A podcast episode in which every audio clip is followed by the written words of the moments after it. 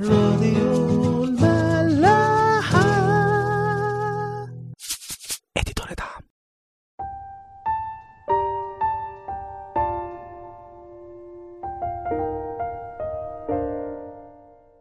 أهلا بيكم في حلقة جديدة من عيش وملح. كنا ابتدينا آخر مرة الاصحاح الرابع من سفر ملوك أول وحكينا عن أول إعلان من سليمان قدام حرام ملك سور إن هو هيبني هيكل لربنا. وشفنا إزاي تواضع سليمان انه نسب فكرة بنى الهيكل لداود ابوه وانه لولا الحروب اللي كانت عنده كان هو اللي بناه بنفسه. وبما ان ربنا دلوقتي ريحه من كل الاعداء فمهمته ان هو اللي يبني الهيكل زي ما قال داود ابوه. خلونا نكمل ونشوف سليمان هيقول إيه لحرام ملك سور. هنقرا من اول عدد ستة لحد عدد 12 بيقول كده والآن فأمر أن يقطعوا لي أرزا من لبنان ويكونوا عبيدي مع عبيدك وأجرة عبيدك أعطيك إياها حسب كل ما تقول لأنك تعلم أنه ليس بيننا أحد يعرف قطع الخشب مثل الصيدونيين وأرسل حيرام إلى سليمان قائلا قد سمعت ما أرسلت به إلي؟ أنا أفعل كل مسرتك في خشب الأرز وخشب السرو عبيدي ينزلون ذلك من لبنان إلى البحر وأنا أجعله أرماثا في البحر إلى الموضع الذي تعرفني عنه وأنقضه هناك وأنت تحمله. أرماثا في البحر يعني بيقطعوا الخشب في صورة ألواح كده طويلة مدورة وبيحطوها جنب بعض فبتبقى عاملة زي المركب كده وبيعوموها في المية لحد ما توصل لأرض إسرائيل. فبيقول له أنا هقطع لك الخشب وهعمله لك بالشكل ده وهوصله لك لحد أرض إسرائيل. وبعدين بيقول له وأنت تعمل مرضاتي بإعطائك طعاما لبيتي. يعني أنا هعمل لك كل ده بس أنت كمان ابعت لي أكل لبيتي. فكان حرام يعطي سليمان خشب أرز وخشب سرو حسب كل مسرته وأعطى سليمان حرام عشرين ألف كر حنطة طعاما لبيته وعشرين كر زيت رد. هكذا كان سليمان يعطي حرام سنة فسنة. والرب أعطى سليمان حكمة كما كلمه وكان صلح بين حرام وسليمان وقطع كلاهما عهدا.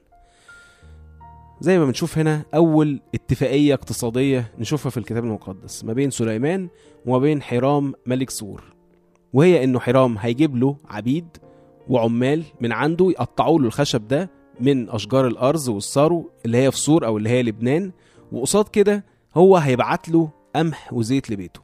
ده غير إنه هيدفع للعمال اللي هيجيبهم دول الأجرة اللي هيطلبها حرام. وفي آخر الكلام الكتاب بيأكد إنه اللي عمله سليمان ده كان بالحكمة اللي ربنا اداها له. لأنه الاتفاقيات دي على طول تخلي فيه صلح ما بين البلدين. لأنه ليه هيفكر يأذيه طالما في مصلحة معاه؟ ولو أذاه هيأذي نفسه وهيأذي مصلحته. طبعا الكلام ده مش قاعدة عامة لأن ممكن أعمل اتفاقيات بس مع ناس شريرة فاتورط معاهم زي ما هنشوف بعدين في مواقف كتير. إحنا بس بنفهم حكمة ربنا في الموقف ده بالذات وفي أي موقف ربنا بيرشدنا ليه. واللي عايزين ناخد بالنا بقى منه هنا كمان والحقيقة ده اللي كنا لسه بنقوله كمان النهارده في عواميد إزاي إننا لازم ندخل ربنا في كل حاجة في حياتنا. مش نديله حتة لوحده ونقفل عليه فيها. ايا كان الحتة دي كبيرة أو صغيرة إنما لأ. غير أوقات الخلوة أو الصلاة أو الخدمة مهم قوي نطلب حكمة ربنا في كل جوانب حياتنا. عشان إحنا عايزينه ملك على حياتنا كلها مش على الحتة اللي إحنا مدينها له بس. كل حاجة لازم ندخله فيها عشان يملك بجد. يا جماعة الكلام اللي بنقوله ده واللي ربنا بيبعته لنا ده كله مش عشان نتخنق أو نحس إن إحنا محاصرين وربنا عايز يعني يزنقنا أو يستعبدنا. لا طبعا هو جه أصلا عشان يحررنا من أي عبودية. في كورنثوس 2 الصح الثالث عدد 17 يقول كده وأما الرب فهو الروح وحيث روح الرب هناك حرية. ربنا يعني الروح القدس وروح القدس يعني حرية. إنما اللي بنقوله هنا إن ربنا جميل وبيحبنا. فلما بيخش في أي حاجة في حياتنا بينورها ويخليها أحلى ويباركها وبيحفظها من أي شر أو إنها تكون مصدر لأي شر فإيه السبب اللي يخلينا ما نطلبوش في كل حاجة؟ هل ممكن مثلا نكون عايزين إن ما يبقاش في الحاجة دي بركة؟ أو إنه يصيبها أي شر؟ أو إنها تصيبنا بأي شر؟ أكيد لأ. في كورنثوس الأولى الصح العاشر عدد 31 بولس يقول لنا كده فإذا كنتم تأكلون أو تشربون أو تفعلون شيئا فافعلوا كل شيء لمجد الله.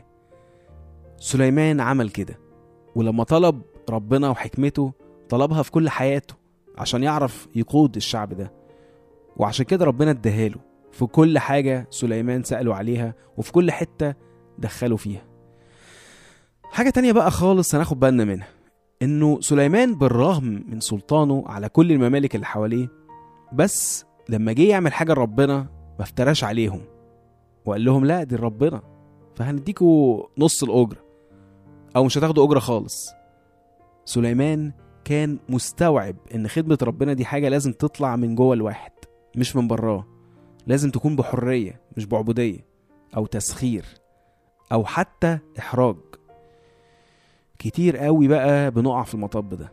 نيجي في أي خدمة بنعملها وعايزين حاجات معينة تتنفذ وإحنا مش هنعرف نعملها. نقوم نشوف حد من معارفنا نقول له يعملها. يا إما عشان هو عنده إمكانيات أصلا يا إما عشان دي شغلته اللي بياكل منها عيش. ونحرجه إنه يعملها بأي شكل. وطبعا الخدمة دي هتكون بلا مقابل أو بمقابل صغير أو بمقابل هو يطلبه وإحنا نفاصل معاه. بحجة إنه لأ دي عشان ربنا. فلازم تديها لنا بسعر أقل أو لازم حتى تعملها من غير فلوس خالص. طب هو ربنا طلب منك إنك تشغل ناس تانية؟ أو تحكم عليهم إزاي يخدموا ربنا؟ وبإيه؟ وقد إيه؟ أي خدمة أو فلوس أو مجهود أو وقت أو أي حاجة بنقدمها لربنا دي ذبيحة بين كل واحد وبين ربنا. اوعى تحكم على حد إنه يعمل حاجة انت اللي عايزها مش ربنا اللي داعيه ليها. حتى لو الحاجة دي مش هتتعمل صح أو مش هتتعمل خالص بالإمكانيات اللي معاك انت. يمكن ربنا عايزها كده أو يمكن مش عايز الحاجة دي أصلا. أو يمكن عايز يبان قوي إن إحنا ناقصين عشان هو يتمجد أكتر. فشوفوا لما بنفكر بدماغنا ونحرج اللي حوالينا عشان يعملوا الحاجات اللي إحنا مش قادرين عليها في الخدمة ممكن نتسبب في إيه؟ بنعطل مجد ربنا. ده غير إن إحنا بنعصر الناس اللي حوالينا. يعني لو رجعنا للقطعة اللي قريناها من شوية في عدد سبعة يقول كده فلما سمع حرام كلام سليمان فرح جدا وقال مبارك اليوم الرب الذي أعطى داود ابنا حكيما على هذا الشعب الكثير. كلام سليمان مع حرام فرحه وفرحه جدا وخلاه يسبح ربنا ويبارك اليوم اللي ربنا جاب فيه سليمان. تفتكروا لو كان سليمان خلى حرام يعمل كده بالعافية أو حتى أجبره كان هيقول كده؟ لا كان هيحصل حاجتين. أولا هيلعن سليمان من جواه ويمكن يلعن اليوم اللي هو جه فيه. والأخطر كمان من كده إنه كان هيفضل دايما حاسس إنه ليه الفضل في بنى الهيكل أو في الخدمة بقى اللي عملها. ما هو عامل جميلة في ربنا. يا جماعة مهم قوي الموضوع ده. لما نخدم نخدم على قدنا إحنا وعلى قد الإمكانيات اللي ربنا بعتها لنا. مش على قد إمكانياتنا وإمكانيات الناس اللي نعرفهم أو اللي حوالينا. ممكن بقى نشرك اللي حوالينا طبعا بس على قد إمكانياتهم هم ودعوة ربنا ليهم هم وعلى قد إيمانهم هم وهم حابين يدوا إيه لربنا روميا 12 3 بولس يقول لنا كده فإني أقول بالنعمة المعطاة لي لكل من هو بينكم أن لا يرتئي فوق ما ينبغي أن يرتئي بل يرتئي إلى التعقل كما قسم الله لكل واحد مقدارا من الإيمان. الطريق لربنا أوله حرية وآخره مجد. إنما الطريق اللي أوله إجبار وإحراج وضغط آخره عبودية وعصرة ولعنة. سيب الناس تخدم باللي هي نفسها تخدم بيه مش باللي أنت نفسك الناس تخدم بيه. الآية اللي كنا لسه قارينها من شوية في كورنثوس الثانية الصح الثالث عدد 17 هقرأها لكم بس هكمل كمان الآية اللي بعدها اللي هي عدد 18 واللي بيختم بيها الإصحاح بيقول كده وأما الرب فهو الروح وحيث روح الرب هناك حرية. ونحن جميعا ناظرين مجد الرب بوجه مكشوف كما في مرآة. نتغير إلى تلك الصورة عينها من مجد إلى مجد كما من الرب الروح. تعاملاتنا كلها مع ربنا سواء إحنا أو الناس اللي إحنا بنوصل لهم ربنا لازم تكون بالروح. والروح يعني حرية والحرية هتقودنا وهتقود الناس اللي حوالينا لمجد ربنا. كل واحد بقى زي ما هو باصص لربنا ويقعد يتغير كل يوم لحد ما يوصل بنعمة ربنا مش بتوجيهاتنا إحنا للصورة دي. نشوفكم الحلقة الجاية. راديو ملاح.